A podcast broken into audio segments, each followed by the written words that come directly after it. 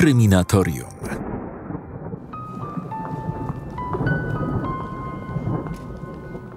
Cztery lata temu, w połowie lutego 2017 roku, na komisariacie policji zjawia się 55-letnia Anna, która po powrocie z pracy odnalazła w domu zwłoki swojego partnera.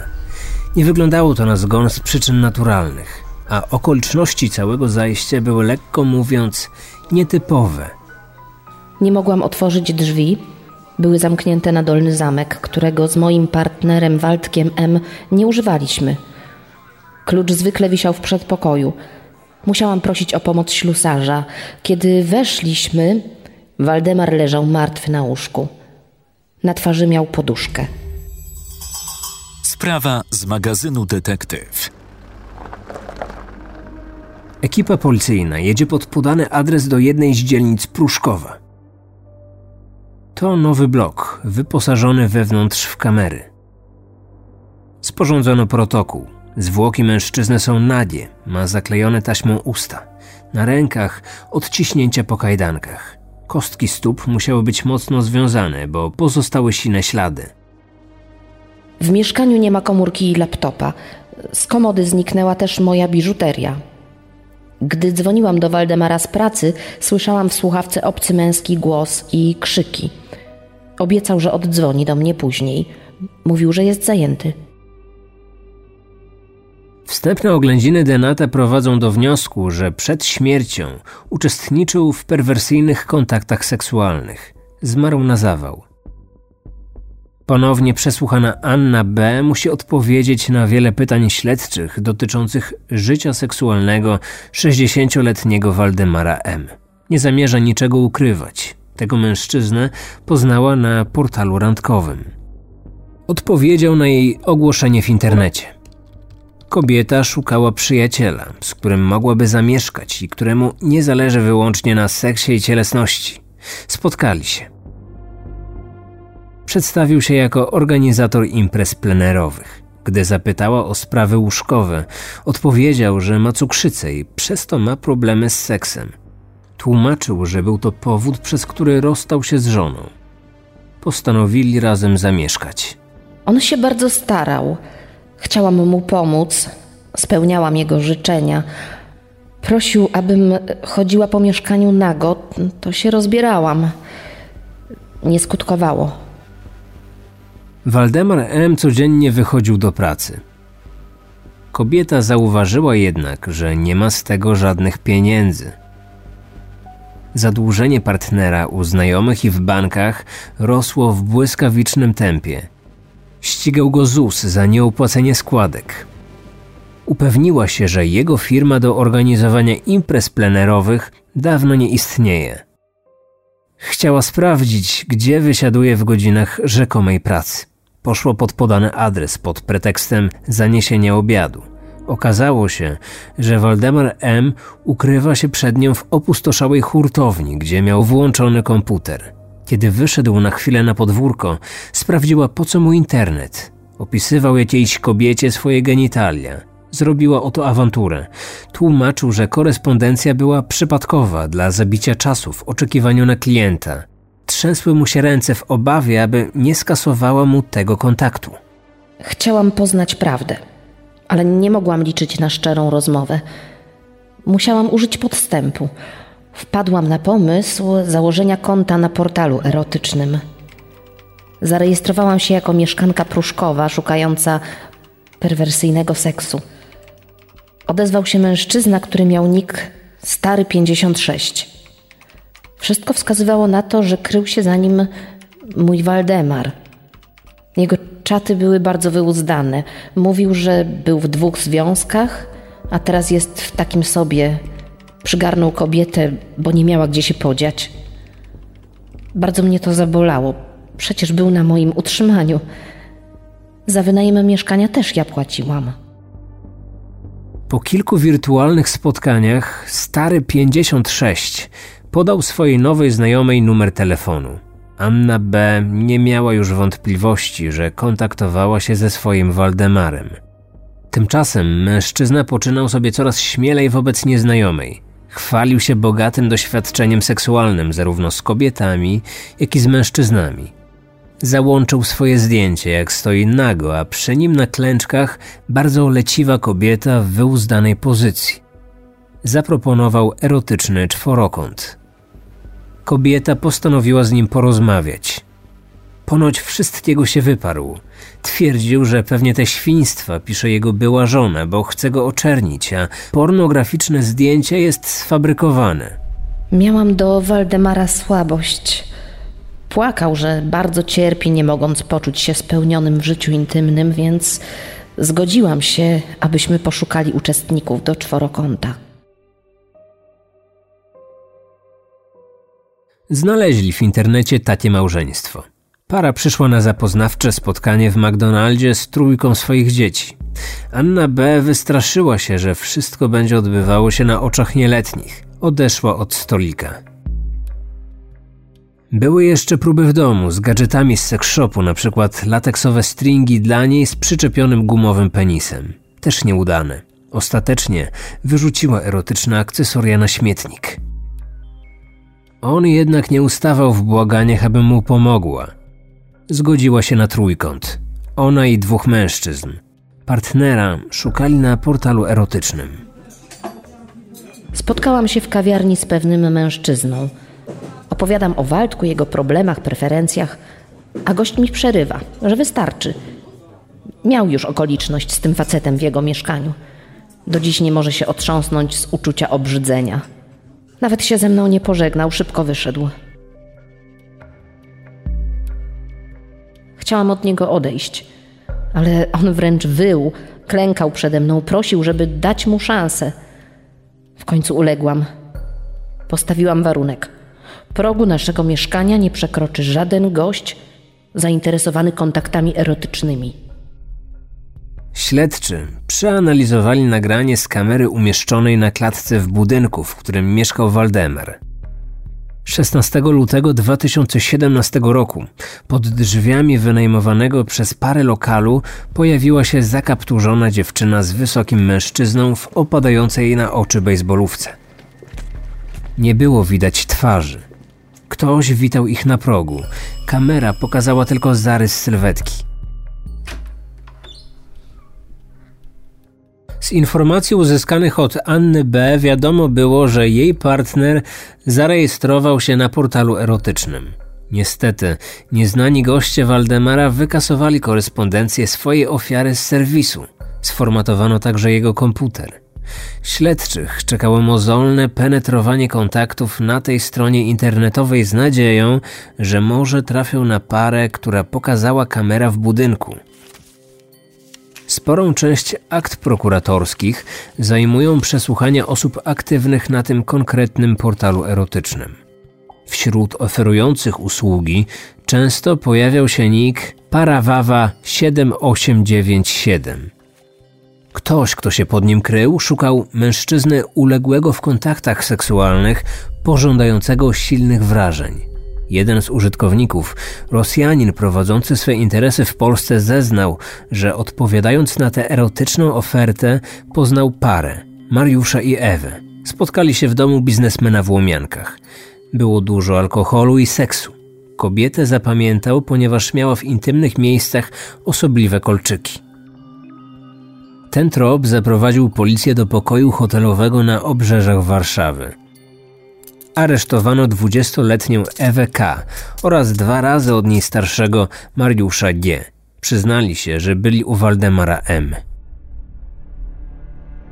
Jeszcze tego samego dnia Mariusz G. chełpił się przed policjantami, że to on wpadł na pomysł, aby na portalu wypatrywać majętnych dewiantów i okradać ich. Celowo wybierał szukających takich wrażeń, bo było prawdopodobne, że nie zgłoszą swojej szkody na policję.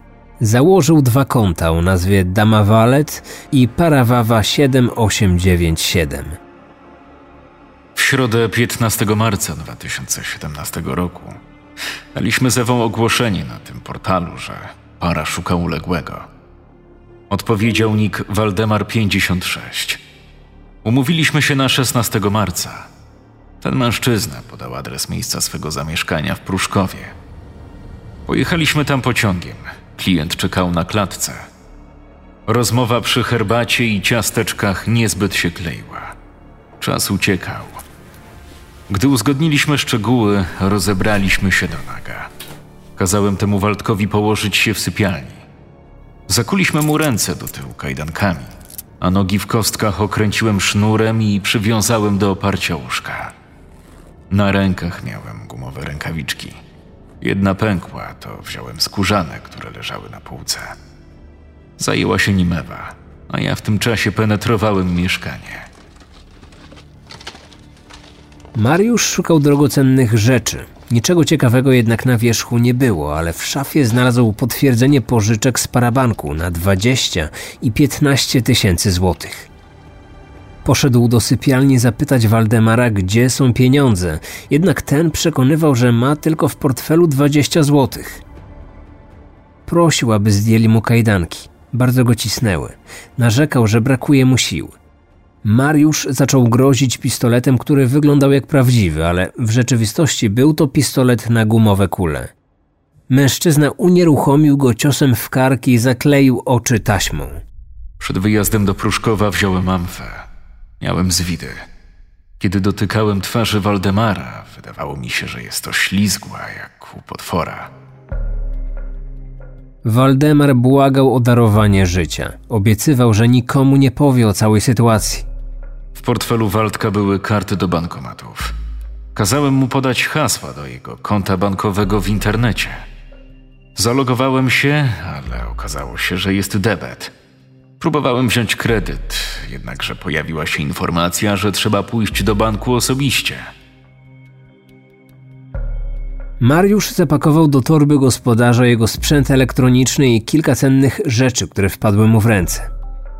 Z telefonu skasował jego konto na portalu erotycznym, gdzie się poznali. Kiedy Waldemar ocknął się po ciosie w kark, oprawca wstrzyknął mu cztery niekontrolowane dawki insuliny. Wiedział, że ofiara jest cukrzyciem i po takiej aplikacji zapadnie w śmiertelny sen. Waldemar dostał agonalnych drgawek. Mariusz przycisnął mu do twarzy poduszkę i zdjął ją dopiero wtedy, gdy ofiara przestała się ruszać. Po wszystkim kazałem Ewie wytrzeć jego ciało mokrym ręcznikiem. Nie chciałem, aby znaleźli tam nasze ślady. Kazałem też zmyć podłogę pod łóżkiem. Później wykąpaliśmy się i nocnym pociągiem wróciliśmy do Warszawy. Skradzione przedmioty sprzedałem następnego dnia. Za złoty łańcuszek Ewa dostała 450 złotych.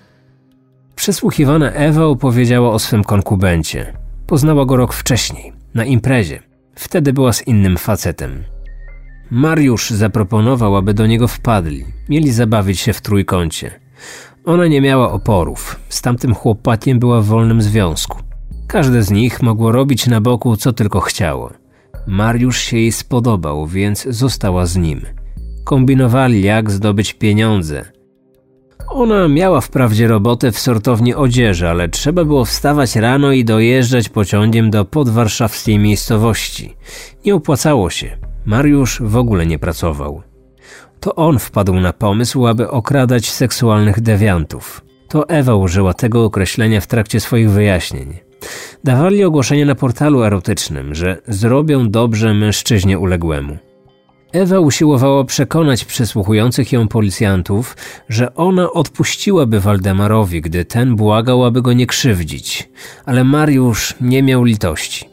Kiedy ten mężczyzna prosił, aby nie kradli biżuterii jego partnerki, gdyż ona pójdzie na policję, Mariusz zakleił mu usta taśmą, a na koniec wsadził do gardła slipy i zawiązał pod brodą rajstopy, żeby pakunek nie wypadł. Swojemu partnerowi podała strzykawkę z insuliną, ale nie chciała patrzeć, co będzie dalej. Wyszła do łazienki. Wróciła, gdy jej chłopak trzymał poduszkę przy twarzy Waldemara. Potem podnosił bezwładne ręce ofiary i sprawdzał, jak opadają. Facet się rzucał. Musiałem go trochę przycisnąć. I kazał włożyć do torby filiżanki po herbacie oraz cukiernicę, żeby nie zostały ślady po ich pobycie.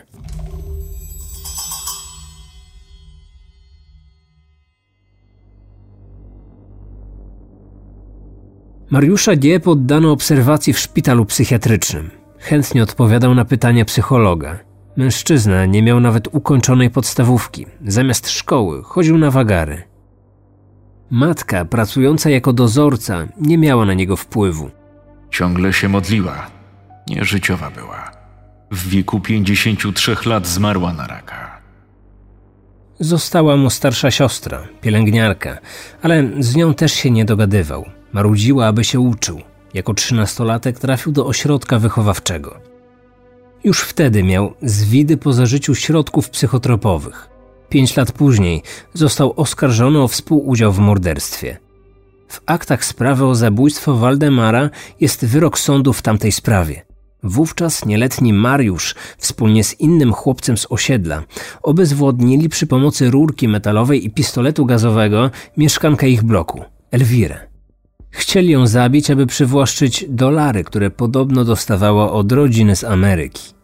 Mariusz przekonywał swojego naiwnego kolegę, aby sam wykonał mokrą robotę. Mówił, że dostanie za to dużo zielonych. On będzie ubezpieczał z podwórka. Potem pomoże ukryć ciało. Do morderstwa przymierzali się kilka razy. Następnie Mariusz kazał zapukać do mieszkania Elwiry pod pretekstem dostarczenia pisma ze spółdzielni mieszkaniowej. Kobieta odmówiła odebrania korespondencji. Po kilku godzinach kolega Mariusza przyszedł ponownie. Rzekomo chciał się poskarżyć na syna tej kobiety, że okradł go podczas szkolnej przerwy. Lokatorka zaprosiła nieletniego do środka. Poczęstowała go herbatą i okazała mu tyle życzliwości, że chłopak nie odważył się zaatakować. Mariusz kazał mu spróbować jeszcze raz. Zdziwiona Elwira powiedziała na progu, że nie ma teraz czasu na pogawędkę. Wówczas zdeterminowany szesnastolatek wepchnął ją do przedpokoju i skatował metalową rurką. Dał znak Mariuszowi stojącemu na podwórzu, że może wejść. W tym momencie kobieta ocknęła się i z balkonu zaczęła wzywać pomocy. Zapłaciła za to życiem. Mariusz za podżeganie do zabójstwa został skazany na 10 lat więzienia. Wkrótce po odbyciu kary ponownie trafił za kratki na 5 lat. Ogółem w zakładzie karnym spędził 17 lat. Na początku 2016 roku został skazany za rozbój na prostytutce. Po ogłoszeniu wyroku zaczął się ukrywać. Utrzymywał się z kradzieży. Poznał imprezową, jak to on określił, dziewczynę, która wzięła kilka kredytów, nie zamierzając ich spłacić. Z tej puli podarowała mu 130 tysięcy złotych. Odszedł od niej, gdy ta przestała dawać mu pieniądze. Wywiad środowiskowy o Ewie K. jest skąpy. Córka sprzątaczki, niekarana. Nie zdała matury, bo nie poszło na egzamin z polskiego. Bardzo wcześnie urodziła córkę, którą zostawiła u rodziny zastępczej. Ani z dzieckiem, ani swoją matką kontaktu nie utrzymuje.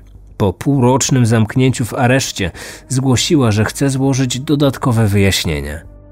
Przemyślała swoją sytuację i jest gotowa powiedzieć całą prawdę, a wygląda ona następująco. Wszystko, co robiłam w mieszkaniu Waldemara M., było pod dyktando Mariusza G. Bałam się go, gdyż miał przy sobie nóż, którym wymachiwał jemu przed twarzą. Kiedy zorientowałam się w jego zamiarach, chciałam uciec, ale drzwi były zamknięte na klucz. Mariusz miał go w kieszeni. Zabrał też mój telefon. Przez balkon nie mogłam krzyczeć, bo zakleił mi usta taśmą. Ja się nie spodziewałam, że on jest tak niebezpieczny. Fakt, siedział 17 lat, ale to były błędy młodości. Na pierwszej rozprawie w Sądzie Okręgowym w Warszawie w kwietniu 2018 roku Ewa nie potwierdziła swoich wyjaśnień złożonych w śledztwie. Owszem, chciała telefonować po pomoc, widząc jak jej partner znęca się nad mężczyzną, ale nie mogła zadzwonić, bo wyczerpała się jej bateria. Wołanie o pomoc z balkonu przecież miała zaklejone usta. Samowolne rozkucie Waldemara też nie wchodziło w rachubę, gdyż kluczyki od kajdanek miał Mariusz. Bała się go, bo postraszył, że jeśli cię nie uspokoi, to zrobi krzywdę jej córce. Już raz siedział za porwanie. Wie, jak to się robi. Żeby nie prowokować swojego partnera w czasie, gdy ten robił Waldemarowi zastrzyk, zamknęła się w łazience. Nie wiedziała, że przedawkował insulinę. Kiedy już po wszystkim wyszli z mieszkania, Mariusz kazał jej wyrzucić telefon tego pana do studzienki kanalizacyjnej. Wcześniej chciał spuścić urządzenie w toalecie, ale się nie udało. Mariusz jednak nie potwierdził tej wersji zdarzeń. Słysząc wyjaśnienia Ewy, przedstawił zupełnie inny obraz sytuacji. Z Ewą wszystko było ustalone. Żałuję, że skasowałem w telefonie nagranie spotkania. Miałbym dowód. Wcześniej postanowiliśmy, że sfilmujemy zachowanie nagiego gościa, aby mieć haka, gdyby chciał iść na policję. Początkowo wszystko działo się według życzenia klienta. Chciał, żeby go związać i zakuć w kajdanki. Zażyczył sobie przymocowania do poręczy łóżka. Prosił o zastrzyk z insuliny. Nawet gdy musiał coś zjeść, bo podskoczył mu cukier, dostał z lodówki kawałek pasztetu i pomidora. Myślałem, że po zastrzyku z insuliny facet sobie odpocznie. Widać było, że zawą już nie dawał rady. Na pytanie prokuratora, po co mężczyzna miał przy sobie nóż, Mariusz wyjaśnił, że zawsze go ze sobą nosi, gdy idzie na erotyczne spotkanie. Nóż przydaje się do cięcia sznura. Im dłużej Ewa była zamknięta w areszcie, tym dłuższe listy otrzymywał od niej prokurator. Dochodziły do kilkudziesięciu stron. Kolejny raz zmieniła swój stosunek do Mariusza. Teraz broniła swojego chłopaka. Oboje mieliśmy dobre intencje, ale organy ścigania jakby nie chcą tego zauważyć. Złożyła prokuratorowi propozycję. Zaniechanie czynów procesowych względem mojej osoby, abym e, odbyła karę bez ustalania stanu faktycznego. Zostałam zmuszona do składania w obecności policjantów wyjaśnień natury seksualnej, co jest dla mnie sprawą wstydliwą, hańbiącą i uwłaczającą. Domagała się pociągnięcia do odpowiedzialności karnej obrońcy z urzędu, który jej zdaniem nie ma wymaganego doświadczenia zawodowego. Wiele z tego, co podałam, zostało zignorowane, pominięte przy ustalaniu stanu faktycznego. Mariusz nie tylko wykorzystywał mnie seksualnie, ale używał jako narzędzia do prowokacji policyjnych, aby rozpoznać, jaki majątek mają dewianci seksualni.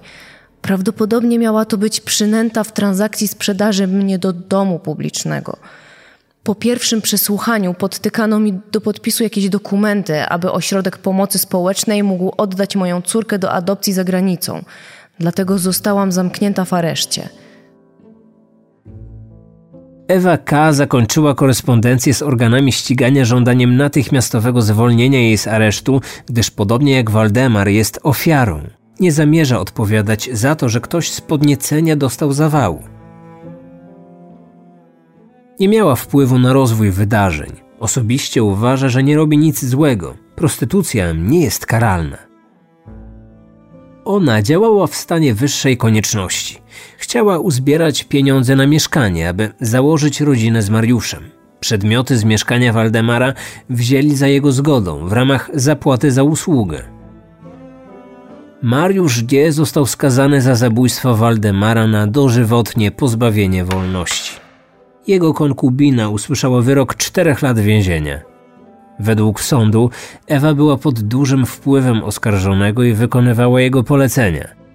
Na złagodzenie wyroku miała też wpływ niekaralność kobiety i brak pomocnictwa w pozbawieniu życia ofiary.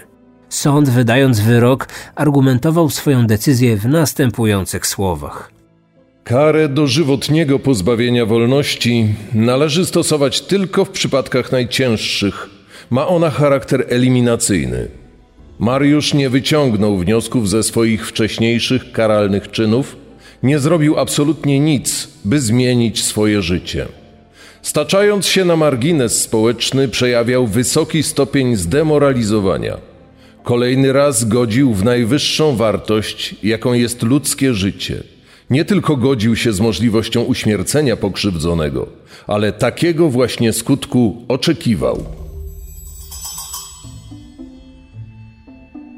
Odcinek, który wysłuchaliście, to wersja dźwiękowa tekstu Heleny Kowalik o tytule Zrobimy dobrze mężczyźnie uległemu. Artykuł pochodzi z wydania specjalnego magazynu Detektyw, którego podtytuł to Seks i paragraf.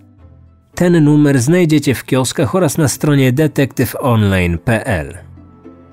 Na dziś to już wszystko. Życzę spokojnego i udanego tygodnia. Mam nadzieję, że słyszymy się w nadchodzący poniedziałek. Do usłyszenia.